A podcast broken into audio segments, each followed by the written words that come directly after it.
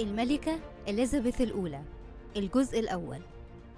اتكلمنا في حلقة المقدمة عن أسباب حب المؤرخين للملكات لكن الملكة إليزابيث الأولى المؤرخين ما كانوش بس بيحبوها دول كانوا بيعشقوها.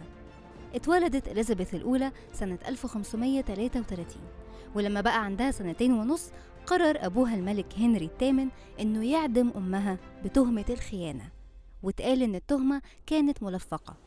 وبكده أصبحت إليزابيث ابنة غير شرعية وفقدت كل ألقابها ومميزاتها الملكية. أبوها ما اكتفاش بكده ده كمان أمر بنفيها وعاشت طفولتها في قصر هاتفيلد هاوس مع مربيتها مارجريت ده غير إنه أحيانا ما كانش بيبعت لها مخصصاتها الملكية اللي كانت بتصرف منها للدرجة اللي خلت مربيتها مارجريت براين تكتب رسالة استعطاف لرئيس الوزراء وتقول له أعلم أن مكانة سيدتي الصغيرة في البلاط الملكي قد تغيرت لكنها تظل ابنة جلالته وأنا أسأل سيادتكم العطف بها. سيدتي الصغيرة تكبر في العمر وفساتينها تصغر عليها ولا تملك ثيابا لائقة بحجمها وتعاني من ألم في أسنانها ولا أعرف كيف أوفي بواجباتي تجاهها بدون مساعدتكم وبدون عطف جلالته. والحقيقة إن في شخصيتين لعبوا دور محوري في المراحل الأولى من حياة إليزابيث. الأولى زي ما قلنا هي المربية مارغريت والتانية هي كاثرين بار آخر زوجة من زوجات الملك هنري واللي كان ليها دور كبير في رعاية وتعليم إليزابيث. يعني مثلا لما وصلت إليزابيث لسن 11 سنة قدرت كاثرين إنها تقنع الملك هنري يرجع أولاده ويعيشوا معاه في القصر من تاني ومن هنا اتغيرت حياة إليزابيث. اهتمت جدا بالحصول على أكبر قدر من التعليم لدرجة إنها أتقنت سبع لغات. ده غير إن علاقتها بأخوها الأمير إدوارد بقت قوية جدا. فاضطر أبوها الملك هنري إنه يستعين بيها في المناسبات الهامة للأسرة الحاكمة وقبل ما يموت رجع لها كل مميزاتها الملكية واللي طبعا كان من ضمنها حقها في وراثة العرش.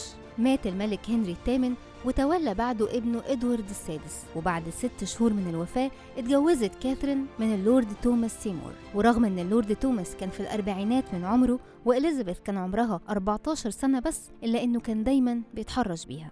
فاضطرت زوجته كاثرين إنها تبعد إليزابيث عن القصر. ومات الملك إدوارد السادس وتولت الملكة ميري عرش إنجلترا.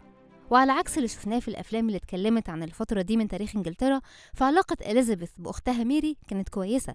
ولاول مرة في تاريخ إنجلترا الناس تشوف موكب لملكة ست وولية عهدها ست برضه لكن علاقة الملكة ميري اتغيرت مش بس بإليزابيث بل بكتير من اللي حواليها بسبب كثرة المتآمرين اللي حاولوا أكتر من مرة يغتالوها ويولوا مكانها أختها إليزابيث.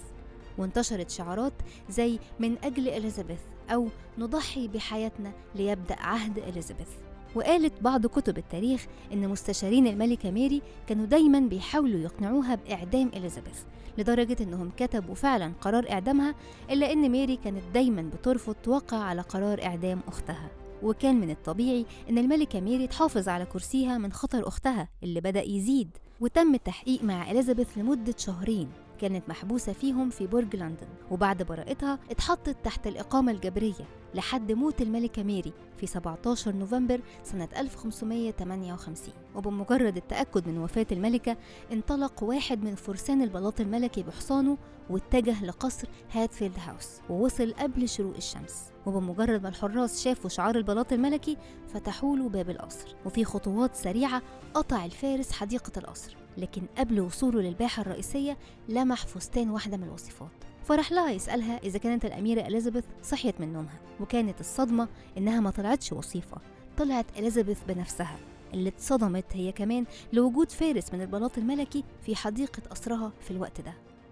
قرب منها الفارس ونزل على ركبته وقال مولاتي جلالة الملكة أرسلوني من البلاط الملكي بخبر عاجل. وما كانش الفارس محتاج يكمل كلامه عشان تفهم إليزابيث إن أختها الملكة ميري ماتت وإن هي بقت ملكة بريطانيا. قعدت الملكة إليزابيث على عرش المملكة البريطانية وهي عمرها 35 سنة. كان وضع المملكة وقتها صعب جدا بسبب الديون الكتير والاضطرابات الداخلية والتهديدات الخارجية. لكن على مدار 44 سنة قدرت الملكة إليزابيث الأولى إنها تقود بلدها وشعبها نحو التقدم والازدهار. وتعتبر الفترة دي هي العصر الذهبي للإمبراطورية البريطانية. هحكي لكم عنها في الحلقة الجاية. كان معاكم مروة جودة. بودكاست أهو ده اللي صار.